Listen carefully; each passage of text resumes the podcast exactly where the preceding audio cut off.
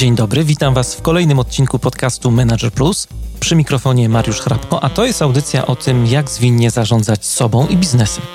Jeżeli chcecie, żeby coś zmieniło się w Waszym życiu i czujecie potrzebę ciągłego szlifowania swoich umiejętności, zapraszam do słuchania moich audycji. To jest podcast Manager Plus. Dzisiaj w audycji będziemy rozmawiali o poczuciu własnej wartości, a w moim wirtualnym studiu, moim i waszym gościem jest dzisiaj e, dr Ewa Wojdyło-Siatyńska, psycholożka, terapeutka uzależnień i mm, autorka niedawno wydanej przez wydawnictwo literackie książki E, droga do siebie o poczuciu wartości. Witam Panią bardzo serdecznie. Dzień dobry, dzień dobry Państwu również. Mam takie pytanie e, rozgrzewkowe na początek. E, kim, kim chciała Pani zostać, jak była Pani dzieckiem?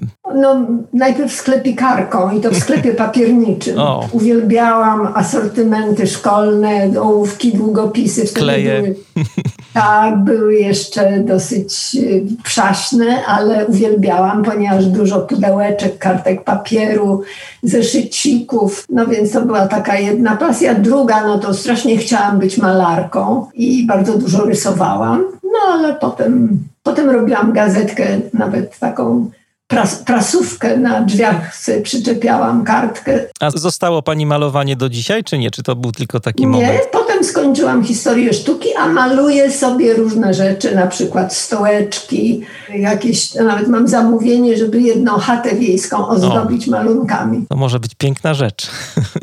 Tak, i to bardzo ładnie wygląda. Gdybyśmy byli na wizji, pokazałabym jakieś swoje arcydzieła. No, tak jak rozmawialiśmy przed rozmową, no, ja jestem z Krakowa i z Warszawa, także już trochę sytuacja nas przyzwyczaiła do tych online'owych rozmów, a jest też to wygodniej zawsze, ale właśnie takie rzeczy cierpią trochę właśnie na takich rozmowach. No tak, ale nie spodziewałabym się takiego pytania i pewnie na spotkanie publiczne nie przyniosłabym żadnych artefaktów, żeby pokazywać swoje wytwory malarstwa na drewnie. Tak, ja się zapowiadałem, że będziemy rozmawiać o pani ostatniej książce najnowszej, Droga do siebie o poczuciu wartości. Chciałbym do niej, do niej nawiązać. Jest pani autorką wielu książek, nastu bodajże.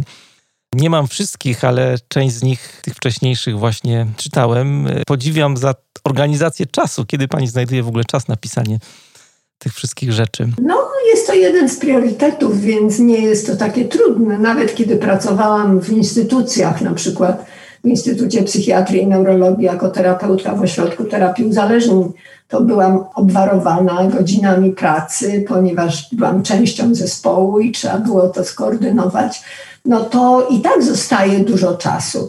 Kiedyś bardzo dawno, dzięki mądrości czyjejś, nie mojej własnej, mhm. nauczyłam się jednej świetnej rzeczy. To, się, to jest taka świetna strategia.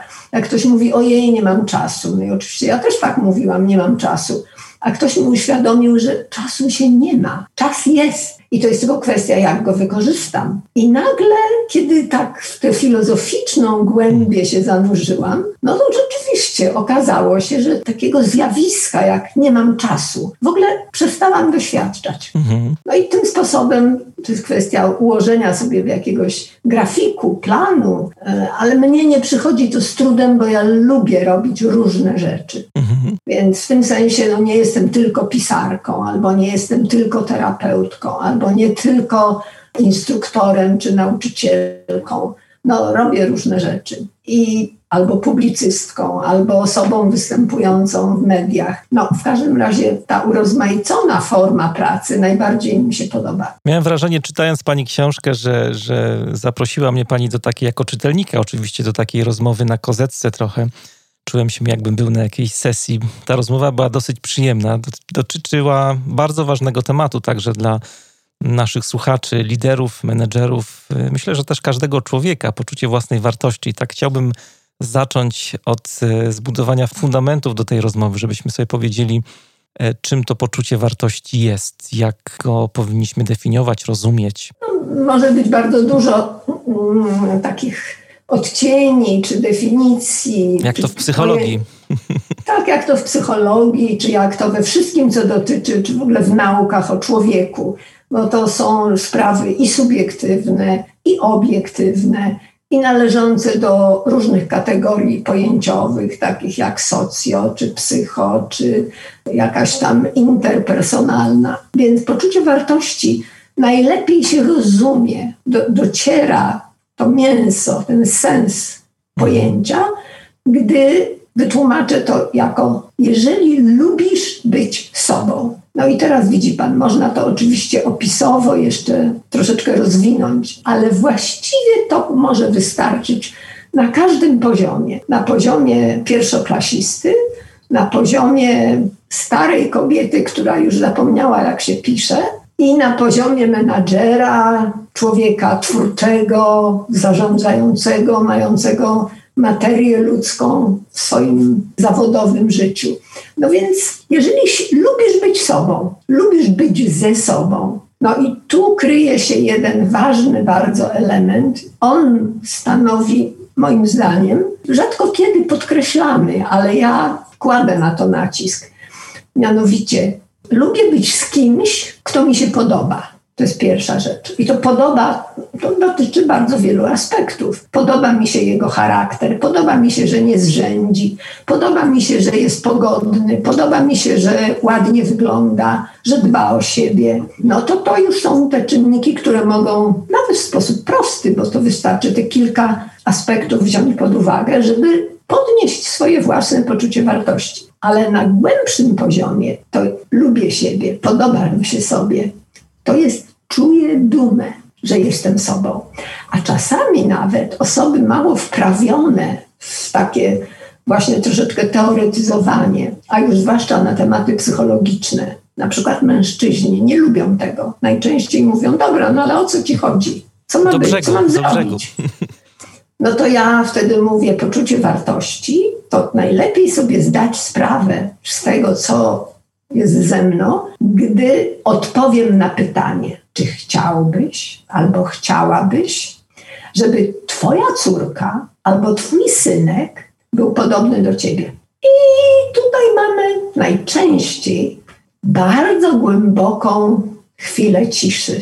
Zaraz, zaraz, no tak chciałbym, ale żeby tego nie, albo żeby tamto. A, no widzisz, i teraz widzisz, gdzie masz deficyty poczucia wartości. Na przykład a, brak wykształcenia, albo mm, jestem kłótliwa, albo no, mam dwie lewe ręce. Właściwie jak nie, nie obsługiwałby mnie ktoś, to bym sobie nie poradził. No i tak dalej. Czyli poczucie wartości to nie jest taki prosty konstrukt, jak wzrost, kolor oczu, jakaś cecha trwała. Nawet poczucie wartości warto rozpatrywać jako konstrukt dynamiczny. To znaczy, na przykład jechałam samochodem, trochę się zagapiłam i zajechałam komuś drogę. Co usłyszałam przez pisk opon wyprzedzanego samochodu, bo musiał zahamować, po czym sama się zreflektowałam, że no, fatalnie, dobrze, że nie stuknęliśmy się. Mhm. Więc zwolniłam, pozwoliłam tej osobie, którą wyprzedziłam, zjechać przy pierwszej okazji na, prawy, na lewy pas i przy wyprzedzaniu spojrzałam, kto to jest. I siedziała tam kobieta, czy mężczyzna, czy wszystko jedno. I ja wiedząc, że przed chwilą fatalnie, ryzykownie pojechałam, podniosłam dłoń jedną i tak z wyrazem takiej skruchy na twarzy, z takim półuśmiechem pomachałam ręką. I ta osoba mi odmachała i nawet jeszcze pogroziła tak palcem, ale nie było to brutalne. Mhm. W tym momencie cała ta scenka opisuje następujące zdarzenie. W momencie, gdy zobaczyłam, że zrobiłam coś głupiego, nieostrożnego, ryzykownego, moje poczucie wartości, tak jakby zjechało w dół. O Boże, jak ja jadę, co ja wyrabiam? No, że głupia jestem? No to dlaczego nie uważasz? I to był ten moment, kiedy skarciłam siebie. Ale gdy chwilę potem zasygnalizowałam przeprosiny i one zostały miło przyjęte, to moje poczucie wartości podjechało do góry. O, fajnie, że umiesz się zachować. No, super jesteś. Dobrze zrobiłaś. Pięknie. Podobasz mi się tak trzeba. Czyli widzi pan, to jest cały czas ja z mną, bo tu nawet nie mam oceny z zewnątrz, mhm. tylko ja sama monitoruję. No i jak na przykład spóźniam się gdzieś, to jestem zła na siebie i myślę sobie, jestem niechluj, nie, nie dbam o, o jakieś tam swoje zobowiązania i tak dalej. No i w różnych kontekstach wygląda to troszeczkę odmiennie, ale zawsze chodzi o to, żeby cokolwiek robię, ponieważ poczucie wartości zależy od tego, co ja robię i jak ja to robię. No ja tak sobie myślałem o tym poczuciu właśnie, bo, bo to słowo poczucie też sygnalizuje nam e, to, że jest to coś naszego takiego indywidualnego, jakby nie było. Każdy może na, na różne sposoby e, właśnie jakby doświadczać tego bycia sobą, o którym pani mówiła.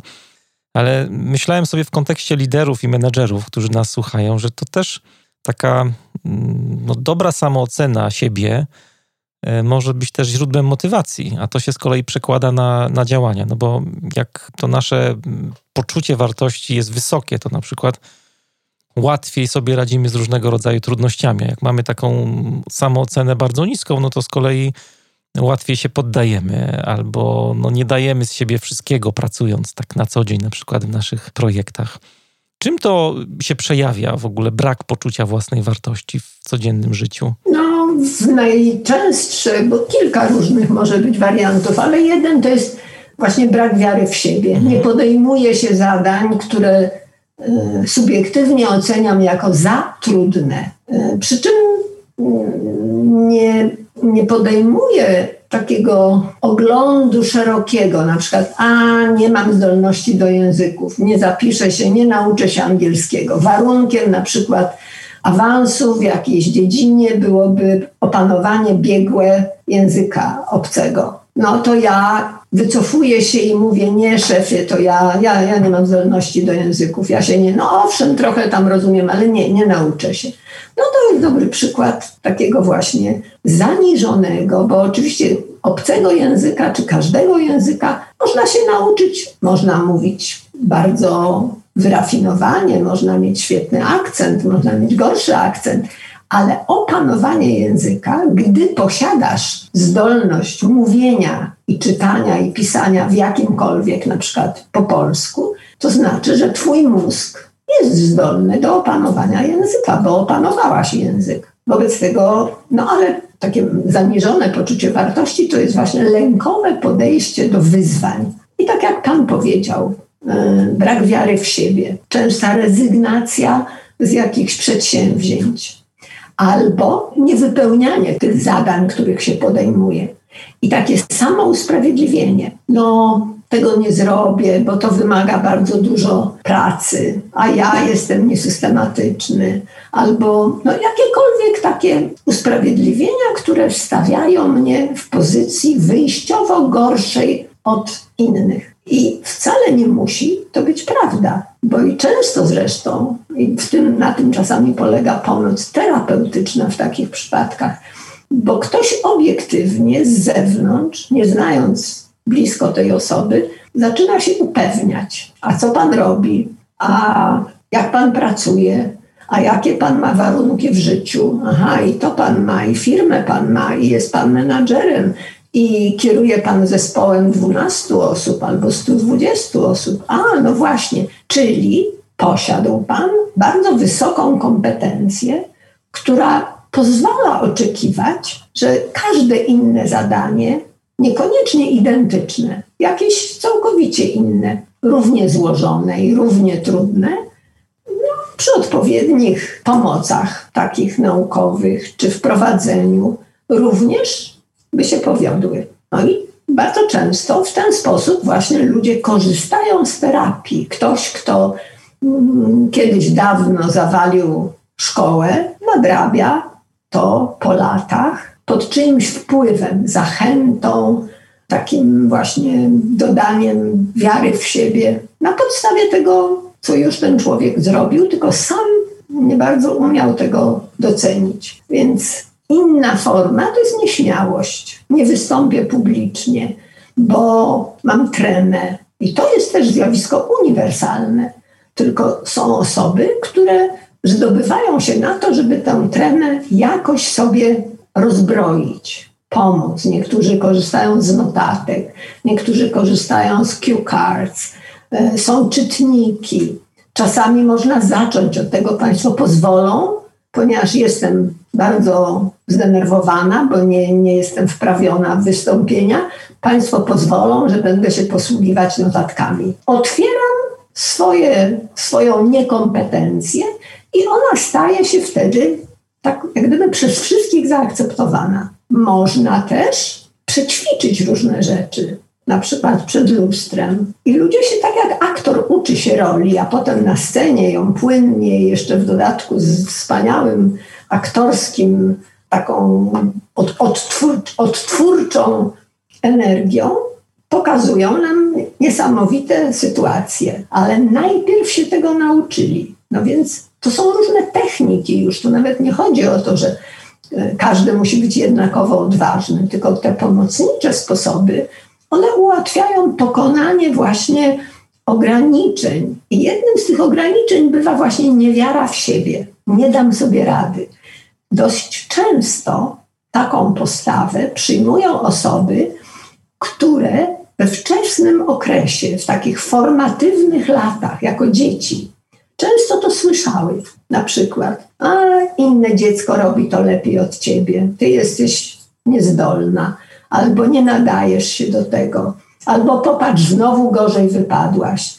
Czyli pozwolenie sobie na przyjęcie cudzej opinii, wcale niekoniecznie inteligentnej, krzywdzącej, a jednak przyswajam to sobie i no, no bo taka osoba służy mi jako przewodnik, czy autorytet, czy ktoś, komu ja bardzo wierzę, bo na przykład, no właśnie, jest to mama, dorosła osoba, czy ojciec. No i w ten sposób mnie wychowuje, chcąc osiągnąć dobry efekt, a osiąga odwrotny. No, nie mamy na wszystko wpływu pewnie, na wiele rzeczy nie mamy wpływu, patrząc na te wszystkie przykłady, takie też rodzinne. Ja sobie myślę też o takim zjawisku, o którym też w psychologii się dużo mówi. Jest to jedno z takich podstawowych zjawisk, e, przeniesienie na przykład, które zakłada, że w zasadzie żadna relacja, jaka łączy nas z drugim człowiekiem, nie jest nową relacją, no bo zawsze ją jakoś tam zabarwia ta, ta relacja poprzednia i najczęściej jest to relacja właśnie naszych rodziców. A mówię o tym dlatego, bo pamiętam taką sytuację, kiedyś rozmawiałem e, z liderem z pewnej branży, z firmy farmaceutycznej, no mieli audyt wewnętrzny w swojej firmie. Audyt był przeprowadzany przez firmę zewnętrzną, no i on musiał zakomunikować swojemu szefowi wyniki tego audytu, które no, nie były za dobre.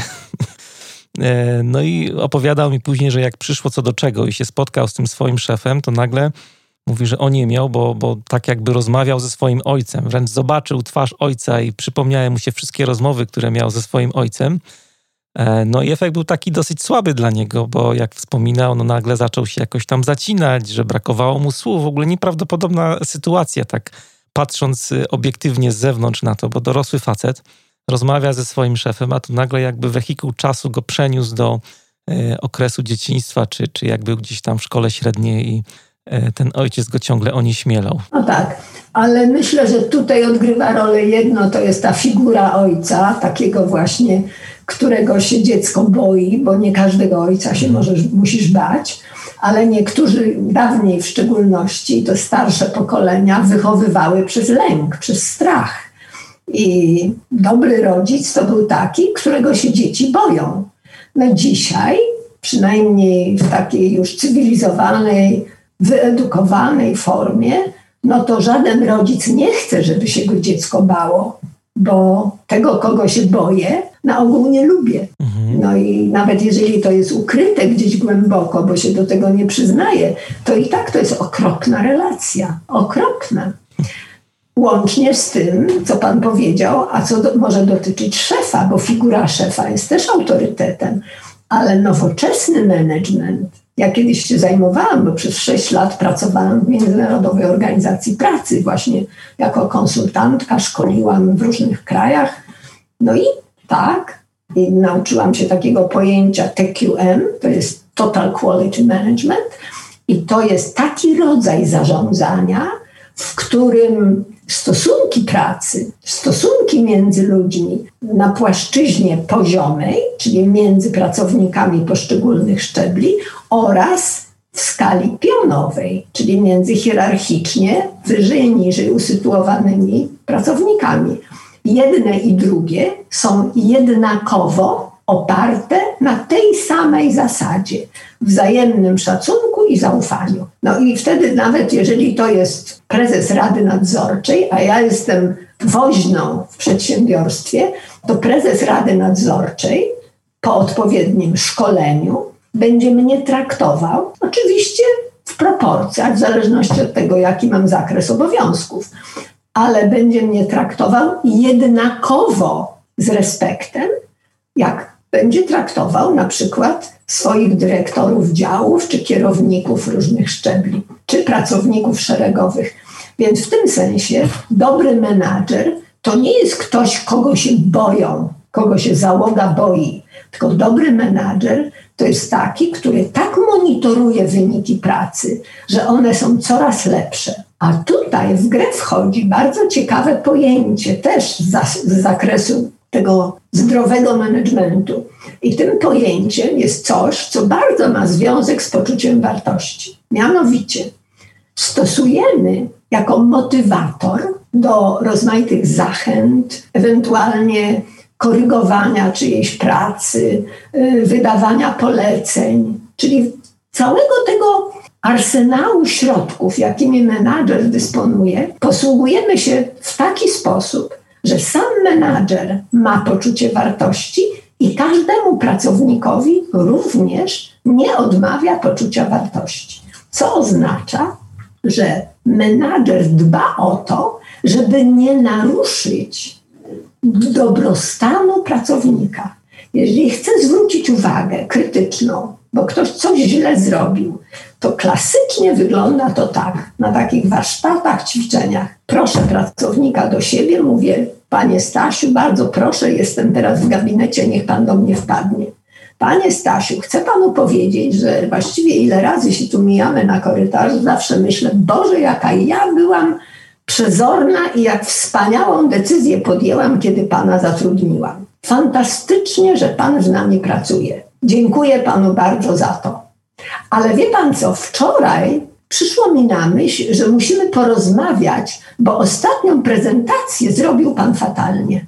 I zabrakło tego, zabrakło tego, zabrakło tego. Możliwe, że za późno pan się zaczął przygotowywać. Więc premię panu obetnę, ale gratuluję pana dotychczasowych innych wyników. Tak w klasycznym modelu powinna wyglądać nawet reprymenda. A więc tak samo powinna wyglądać na przykład relacja między rodzicem a dzieckiem, między nauczycielem a uczniem. Rozumie pan? I niech pan teraz pomyśli, nie byłoby ludzi, którzy byliby zastraszeni, bo chodzi o to, można nawet zwolnić z pracy, ale podziękować za tę pracę, która była dobrze zrobiona. Czyli zostawić człowiekowi pozwalam nie chcę mu popsuć samopoczucia. Chcę go nakłonić, żeby lepiej pracował, ale wcale nie chcę, żeby się źle czuł. I w tym tkwi właściwie tajemnica dobrych stosunków między ludźmi. W ogóle, czy to w pracy, czy w domu, czy w autobusie, czy y, w polityce. Niestety wcale nie jest powszechna, Chociaż są już miejsca, są takie kraje, które się tego nauczyły po prostu dużo bardziej skutecznie. A my, nie mówiąc o tym, że jeszcze w ogóle nikt nie wie, ta zasada nazywa się zasada pozytywnych wzmocnień. Ona już istnieje w nauce, bo oczywiście nauka wniosła ten wkład. Istnieje już od połowy lat 80., a nawet chyba wcześniej. No I już jest w szkołach, w miejscach pracy, ale do Polski nie doszła. Cieszę się, że pani tutaj dotknęła tego tematu, chociaż też o nim myślałem, jak się przygotowywałem do naszej rozmowy, tylko myślałem tak mniej pozytywnie, bo tutaj y, pokazała pani zasadę pozytywnego wzmocnienia, jak taka relacja, jak rozmowa miałaby, czy mogłaby wyglądać. E, natomiast ja się zastanawiałem o w kontekście poczucia wartości, też zastanawiałem się w kontekście budowania zespołów projektowych. Myślę, że to jest temat dość istotny, ale pomyślałem sobie zupełnie inaczej, też patrząc na różne sytuacje, które gdzieś tam obserwuję w firmach, że jest gdzieś tam jakaś taka tendencja u naszych liderów, że lider z taką niską samooceną, z niskim poczuciem wartości, chętniej no, zatrudnia do zespołu ludzi, którzy mają podobny poziom samooceny. Jakbyśmy sobie wzięli jakąś taką skalę, na przykład od 1 do 10, to lider, który ma piątkę, bo tak czuje, że ma takie poczucie wartości na poziomie 5, raczej no niechętnie będzie zatrudniał kogoś z siódemką, raczej będzie się skłaniał do tego, żeby ktoś z trójką trafił do, e, do jego zespołu. I tak sobie myślałem, że to może mieć no, gigantyczne znaczenie na to, w jaki sposób też te zespoły później będą funkcjonować, ale też gigantyczne znaczenie dla całej organizacji, dla firmy, w której ten lider mm, jest. Jasne. Jasne, absolutnie trafnie Pan to zauważył. Nie wiem, czy takie rzeczy robi się świadomie, czy podświadomie, ale skoro już Pan tak jakoś zobaczył to kontinuum poczucia wartości na skali i mówi Pan, ten ma na 5, ten ma na 10, to możemy też powiedzieć o, takim, e, o takiej jednostce poczucia wartości, takim jak gdyby probierzu czy miarce poczucia wartości. To, to się, w ogóle, to się w ogóle mierzy w jakiś sposób? Są jakieś, można. można. No tak? właśnie zaraz, zaraz zobaczy Pan, że możemy sobie tak, no po prostu na użytek mm -hmm. rozmowy mm -hmm. przyjąć taki koncept.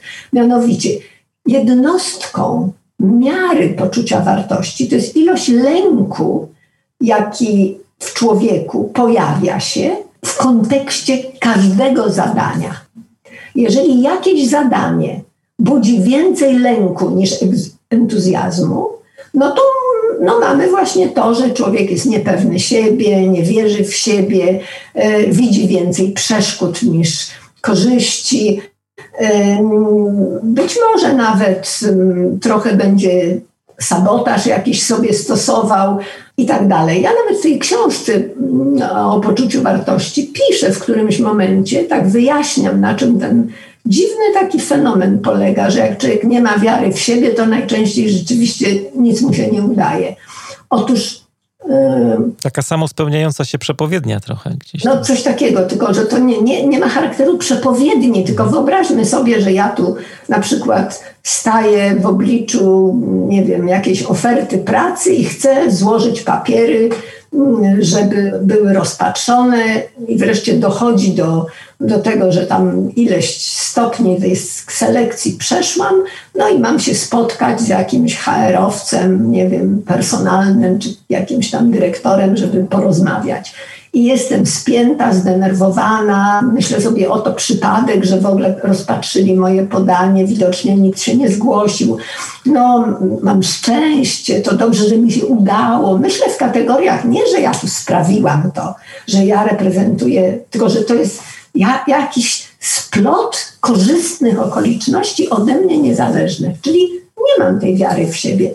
To mając takie nastawienie, takie niepewne, idę na tę rozmowę kwalifikacyjną. No i oczywiście ręce mi się pocą, jestem zdenerwowana, no bo z góry się nastawiam na to, że to przekracza moje kompetencje, że to w ogóle ja jestem jakąś straszną szczęściarą i prawdopodobnie zaraz się wszyscy poznają, że no, nie mam nic do zaoferowania. Więc moje ciało, moje umysł, moje zachowanie, wszystko będzie zawierało taki no, duży poziom lęku, duży poziom niepewności. No i przychodzę i jest ta rozmowa. Dobrze, jeżeli jeszcze języka w gębie nie zapomnę, a czasami i to się zdarza.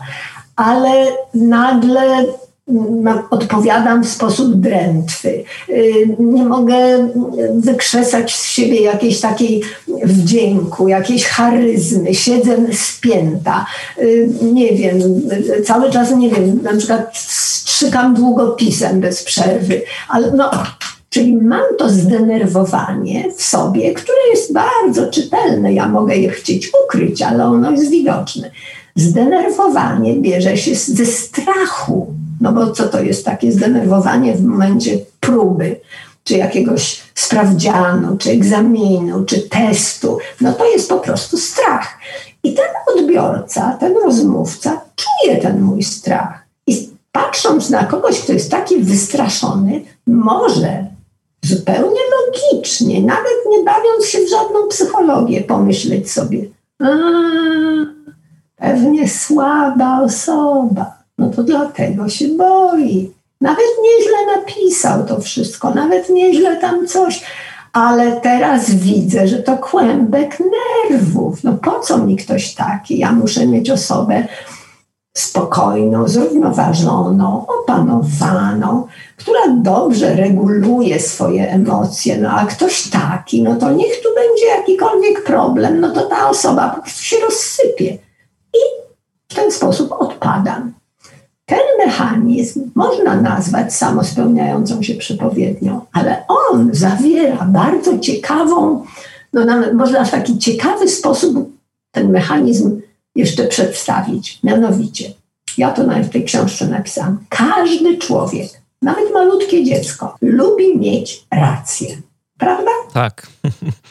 A ponieważ lubię mieć rację, wobec tego, jeżeli myślę, jeżeli ja założę, że ta praca dla mnie jest strasznie trudna, bo ja nie jestem taka dobra.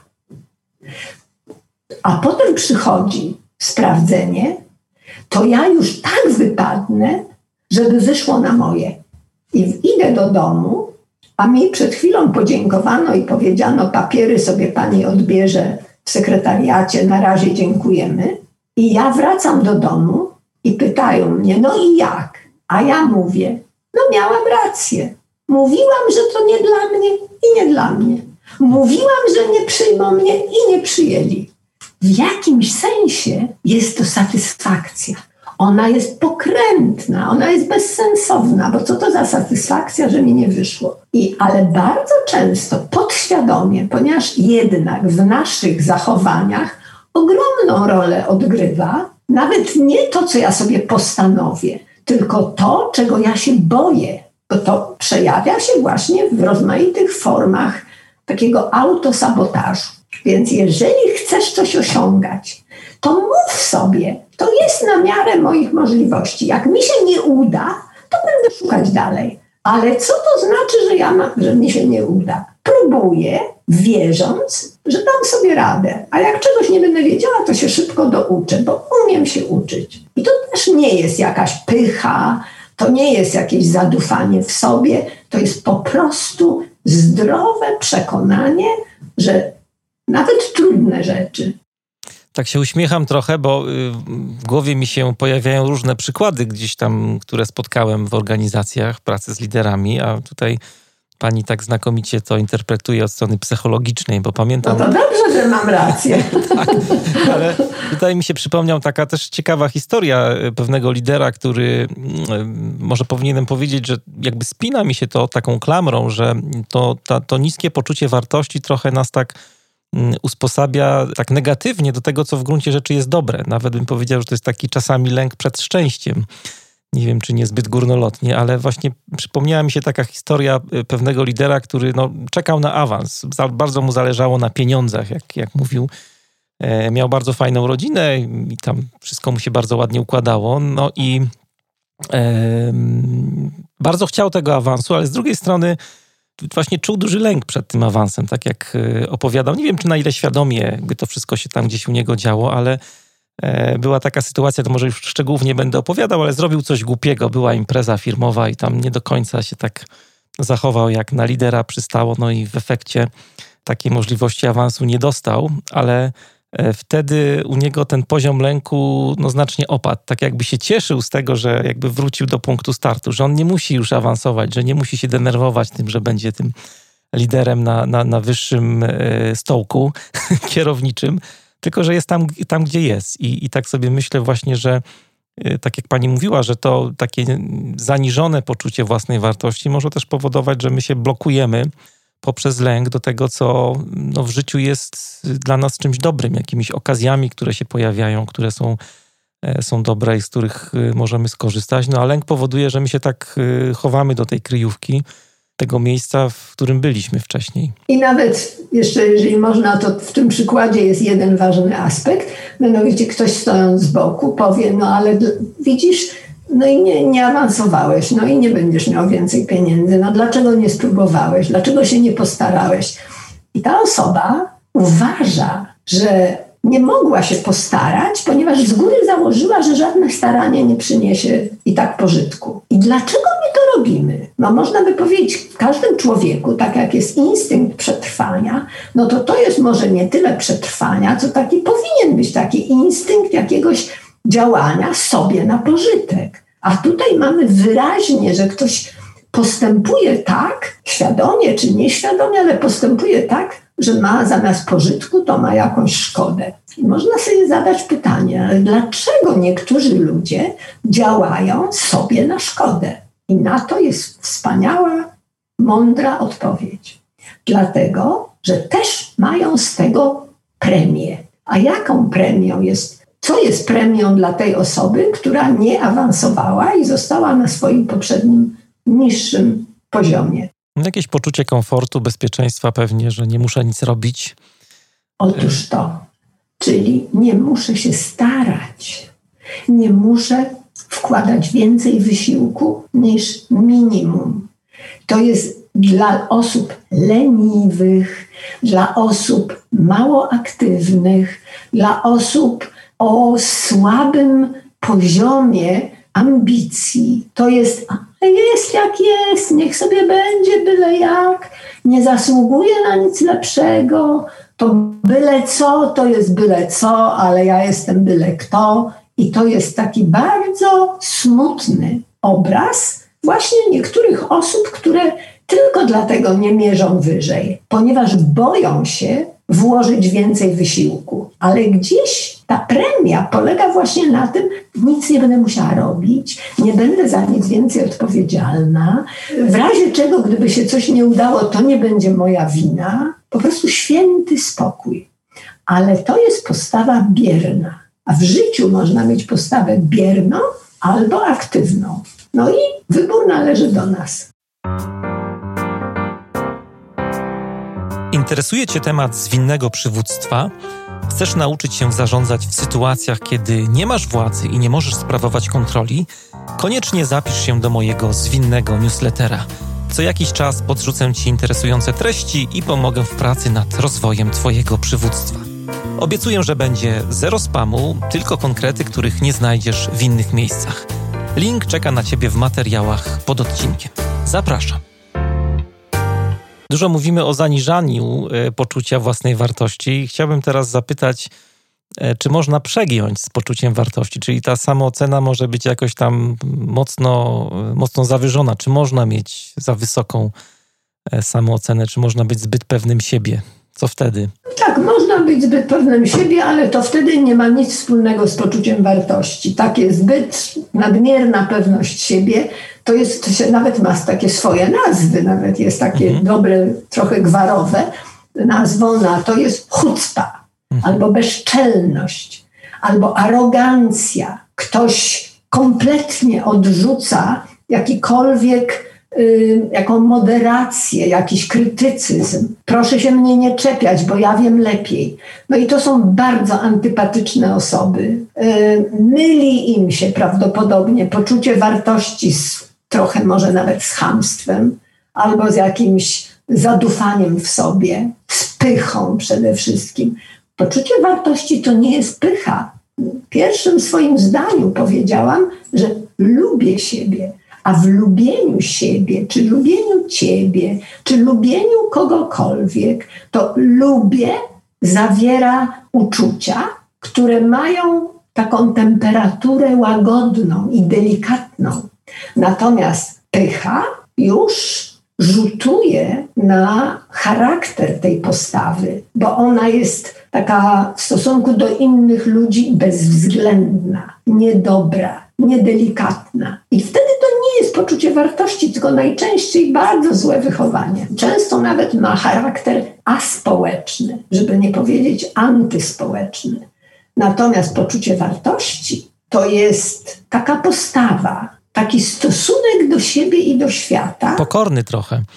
Otóż to, który y, wyklucza jakąkolwiek arogancję wobec innych bo ja tego, no gdybym ja zajeżdżając drogę komuś na autostradzie, jeszcze potem na przykład kogoś, kto zwraca mi uwagę jakimś gestem, światłem, a ja bym jeszcze go obraźliwym, środkowym palcem potraktowała, no to to, to, to jest coś, co graniczy właśnie z chucpą, z czymś obrzydliwym. Natomiast poczucie wartości to jest dbam o swoje miejsce w świecie, ale nie depcze nikogo, kto jest obok. Jest taki fragment e, w Pani książce, który sobie podkreśliłem kilka razy. Myślę, że w kontekście właśnie liderów, szefów, e, bardzo istotna rzecz. Pozwolę sobie zacytować. Pisze Pani, że poczucie wartości stanowi tarczę obronną przed e, zbyt daleko idącymi ustępstwami w różnych sprawach, ale przede wszystkim w tym, na co pozwalamy innym ludziom. Koniec cytatu tutaj. Czy, czy to znaczy, że właśnie poczucie wartości to także umiejętność wytyczania granic? No tak.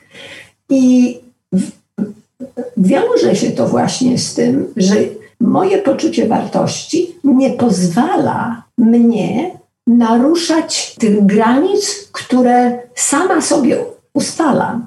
Czyli na przykład osoba o poczuciu wartości no nie będzie się upijać ordynarnie, ponieważ godzić to będzie w jej wizerunek. I te granice to nie jest tylko na co ja pozwalam komuś, ale na co ja pozwalam sobie, ponieważ moje poczucie wartości jest taką, e, taką miarą, w której mieszczą się rzeczy, które ja akceptuję. Akceptuję u siebie. Nie będę się zachowywać ordynarnie, jeżeli tego nie lubię. Nie będę w stosunku do innych ludzi nieuczciwa, jeżeli uważam to za niskie, za podłe. Więc w tym sensie to poczucie wartości jest piękną tarczą przed takim zeszmaceniem swojego własnego życia. Natomiast wszelkie terapeutyczne procedury, procesy, które na przykład pomagają, ja kiedyś dosyć intensywnie pracowałam przy okazji zakładania ośrodków terapii dla uzależnionych w zakładach karnych, to bywałam w więzieniach, miałam zajęcia z pacjentami, z, ze skazanymi.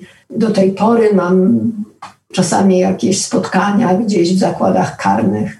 No i tam mamy do czynienia z ludźmi, którzy naruszają normy, są ukarani za antyspołeczne, ryzykowne, czasami zagrażające życiu czy zdrowiu zachowania. Otóż resocjalizacja czy terapia, która pomaga takich ludzi przeciągnąć z tej niedobrej sfery do życia w społeczeństwie na warunkach współ, współżycia, najczęściej prowadzi właśnie przez wzmocnienie poczucia wartości. I potem taka osoba no, nie pójdzie z powrotem w to samo miejsce plugawe, nędzne, obrzydliwe, niebezpieczne, takie więzienne, nie będzie tam chciała wrócić. I taka osoba uczy się, najczęściej nadrabia zaległości, bo pewnie się w dzieciństwie nie mogła tego nauczyć, i zaczyna budować siebie właśnie w oparciu o to kryterium, że robię to, co jest dobre. To, co ja uważam za dobre.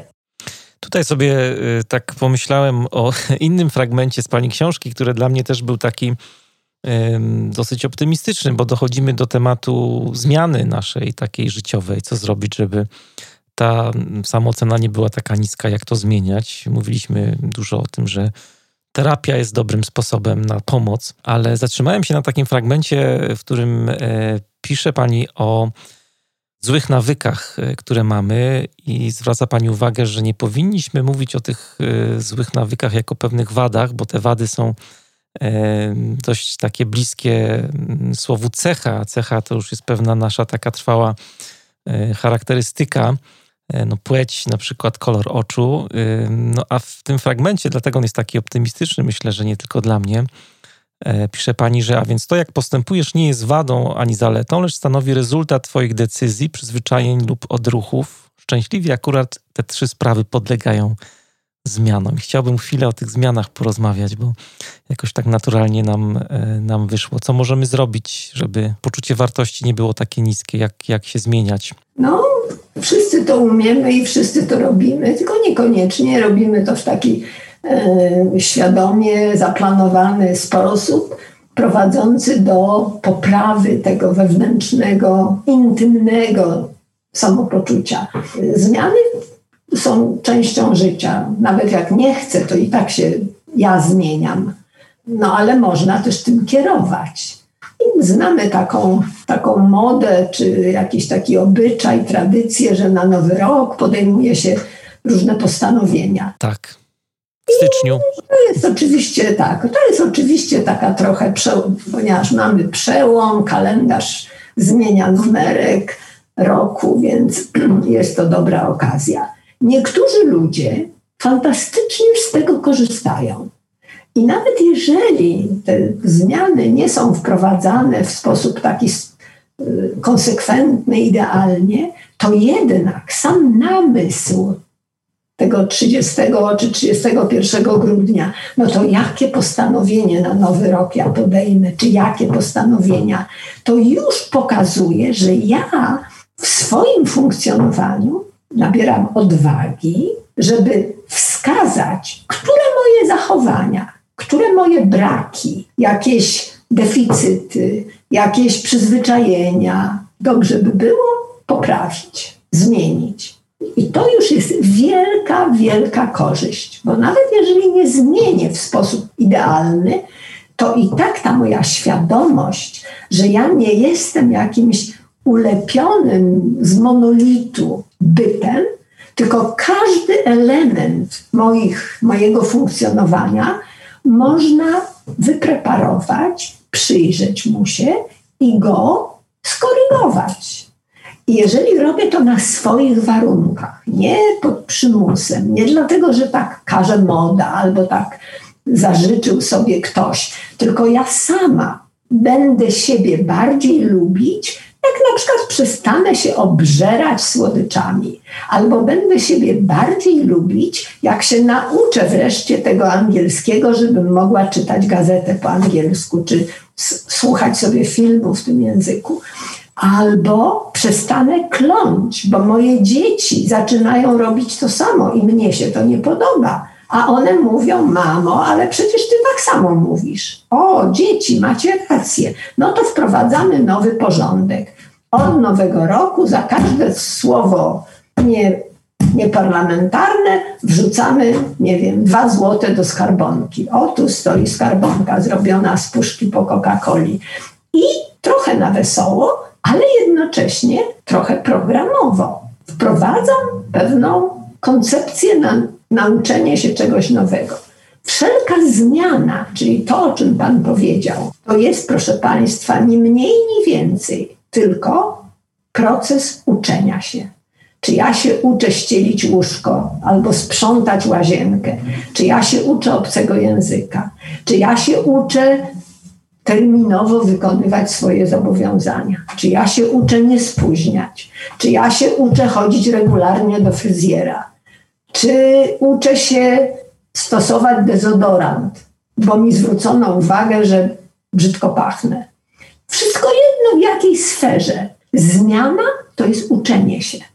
I gdy na to tak się popatrzy, to właśnie wspaniałą możliwością rozwojową dla człowieka jest świadome kierowanie, bo my się i tak zmieniamy, ale lepiej tym kierować, dokonywać wyboru, a jeszcze ciekawiej, bo można to zrobić no, jeszcze bardziej tak oryginalnie. Mogę przyjść do domu i powiedzieć: Słuchajcie, powiedzcie mi, czego nie lubicie w moich zachowaniach. Jestem waszą mamą, jestem twoją żoną, jestem twoją córką. Niech każdy z was pomyśli sobie, co byście chcieli, żebym ja zmieniła. Ja zobaczę, bo jak przeczytam, to będę wiedzieć. I napiszcie mi to.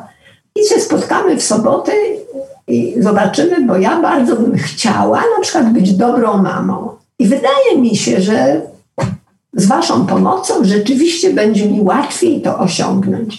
Więc widzi Pan, zmiana, czy jakaś taka, takie doskonalenie tych swoich nawyków, albo jakiś przywar nawet, eliminowanie czegoś, albo nabywanie czegoś, czego nie mam. Na przykład mamo, mów nam miłe rzeczy, bo zawsze tylko nam zwracasz uwagę i na nas krzyczysz albo strofujesz. Mamo, nie słyszę, żebyś kiedykolwiek powiedziała, synku, córeczko, kocham was. No i tak czasami bywa, że w tym rozpędzie życiowym proste sprawy gdzieś umykają. I to nie jest to, że ja jestem zimną osobą. Prawdopodobnie dlatego tego nie robię, bo się sama gdzieś kiedyś dawno nie nauczyłam tego. Więc tutaj towarzyszy temu wszystkiemu niesamowita pobłażliwość. Bo jeżeli ja jakąkolwiek pracę nad sobą podejmuję, cokolwiek, to nie mogę robić tego z pozycji jakiegoś kata albo prokuratora, tylko raczej z pozycji przyjaciela. I wszystkie swoje sprawy, które podlegają jakimś właśnie rozważaniom, zastanowieniu, no wspaniale, bo one mogą przy okazji gdyby podbudowywać, wzmacniać poczucie wartości. A poczucie wartości wzrasta, ilekroć osiągnę coś, na czym mi zależy. Więc nawet drobne rzeczy, nawet takie rzeczy, że jak przeczytam książkę, a już wiem, że nie będę do niej wracać, to zanieś do biblioteki albo podaruj znajomym, albo zostaw w kawiarni, w której jest specjalna półka na książki do wymieniania.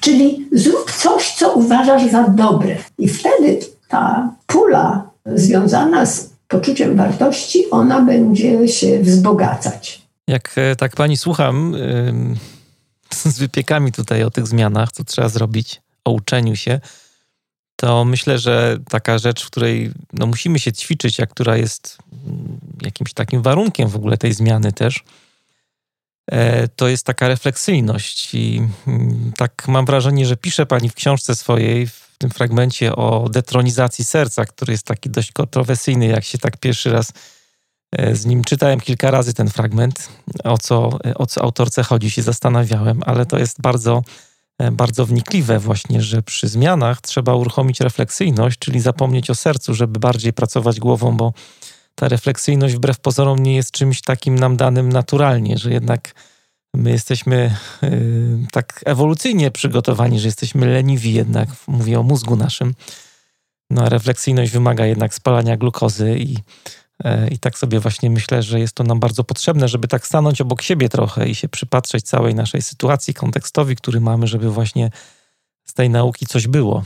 No tak, zgadzam się z Panem. Refleksyjność jest bardzo potrzebna i bywa czasami dla niektórych osób trudna, bo to jest też kwestia treningu. I są takie domy, takie rodziny, gdzie można przeżyć do pełnoletności. I nigdy nikt nie zapyta na przykład, a co myślisz o tym?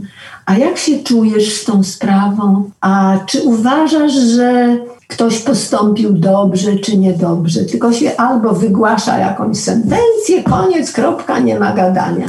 Więc y, refleksyjność, a już nasza polska szkoła też w bardzo małym stopniu tego uczy. Raczej każe zapamiętać, co mówi nauczyciel albo co jest napisane w książce.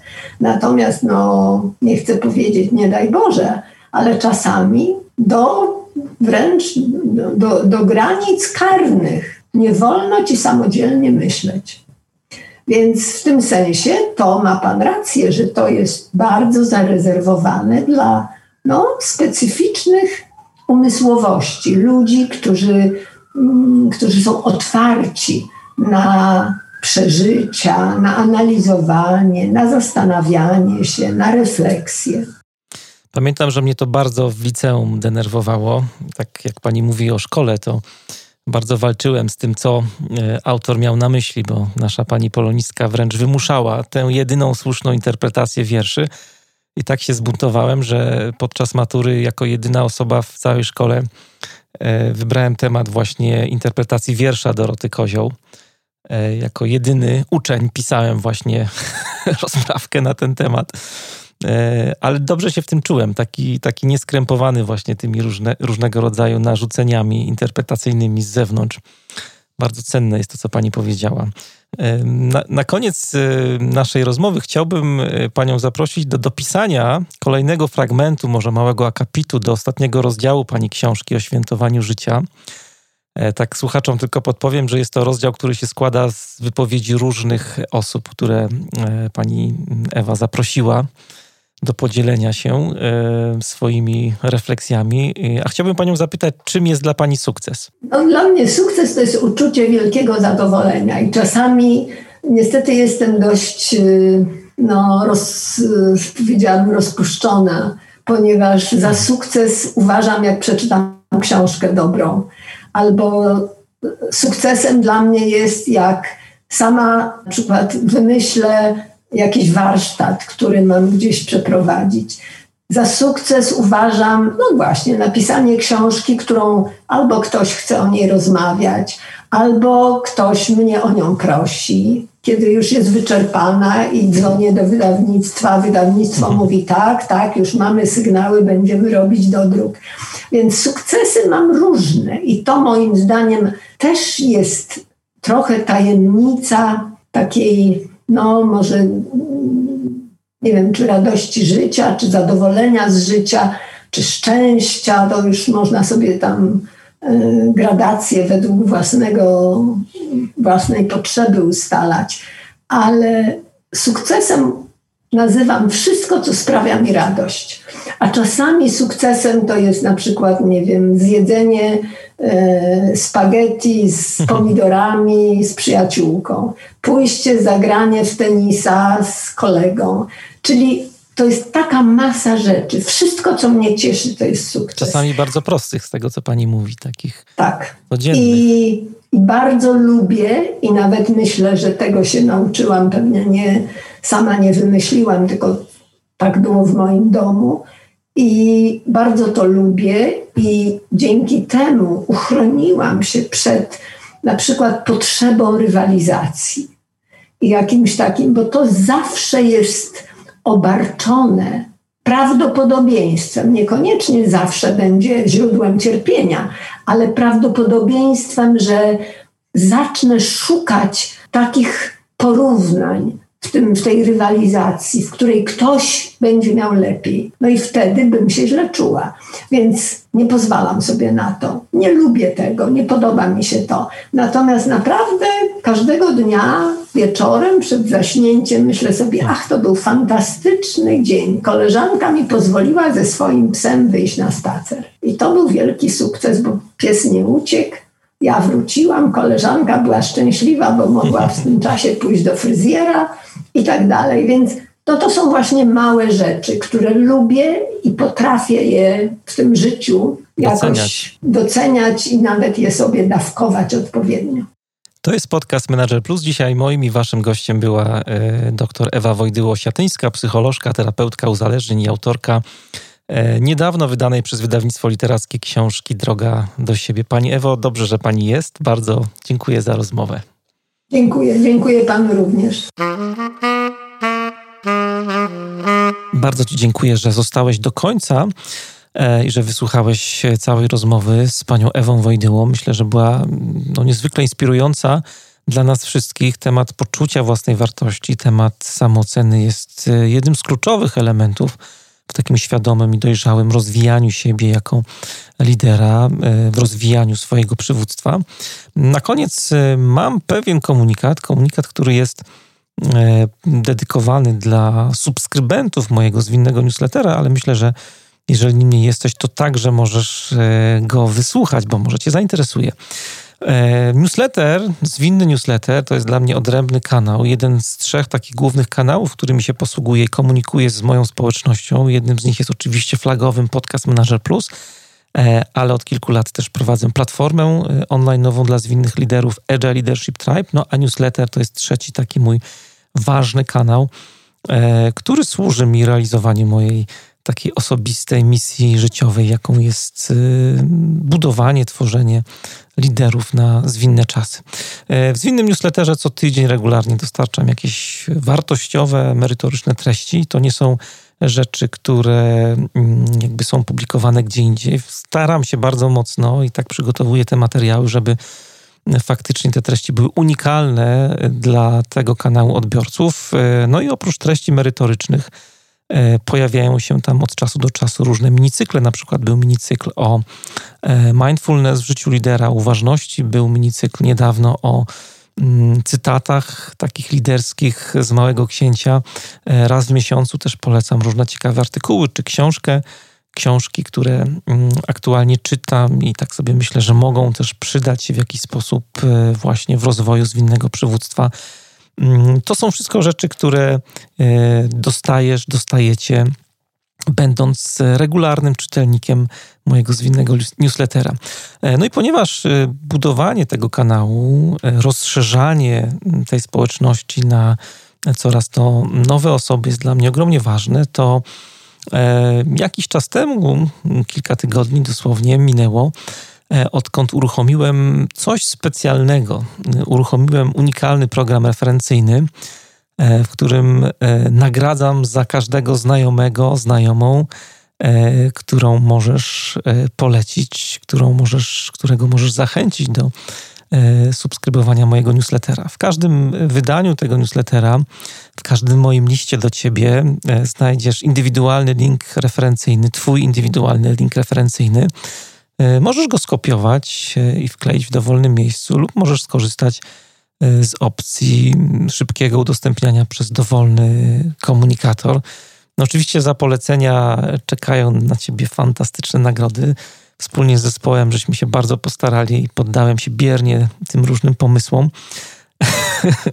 Ale jest e, sporo e, naprawdę zwariowanych rzeczy, które można dostać za polecenia. E, przygotowaliśmy kilka progów z nagrodami, no a bonusy zaczynają się już też od pierwszego polecenia, dlatego zawsze warto. E, można zgarnąć na przykład e, kursy, można zgarnąć różne książki liderskie, gadżety. Można też, jeżeli się bardzo postarasz, na przykład spotkać ze mną w Krakowie i pospacerować trochę, pogadać o zwinnym przywództwie, wypić kawę w jakimś dobrym lokalu, oczywiście na mój koszt.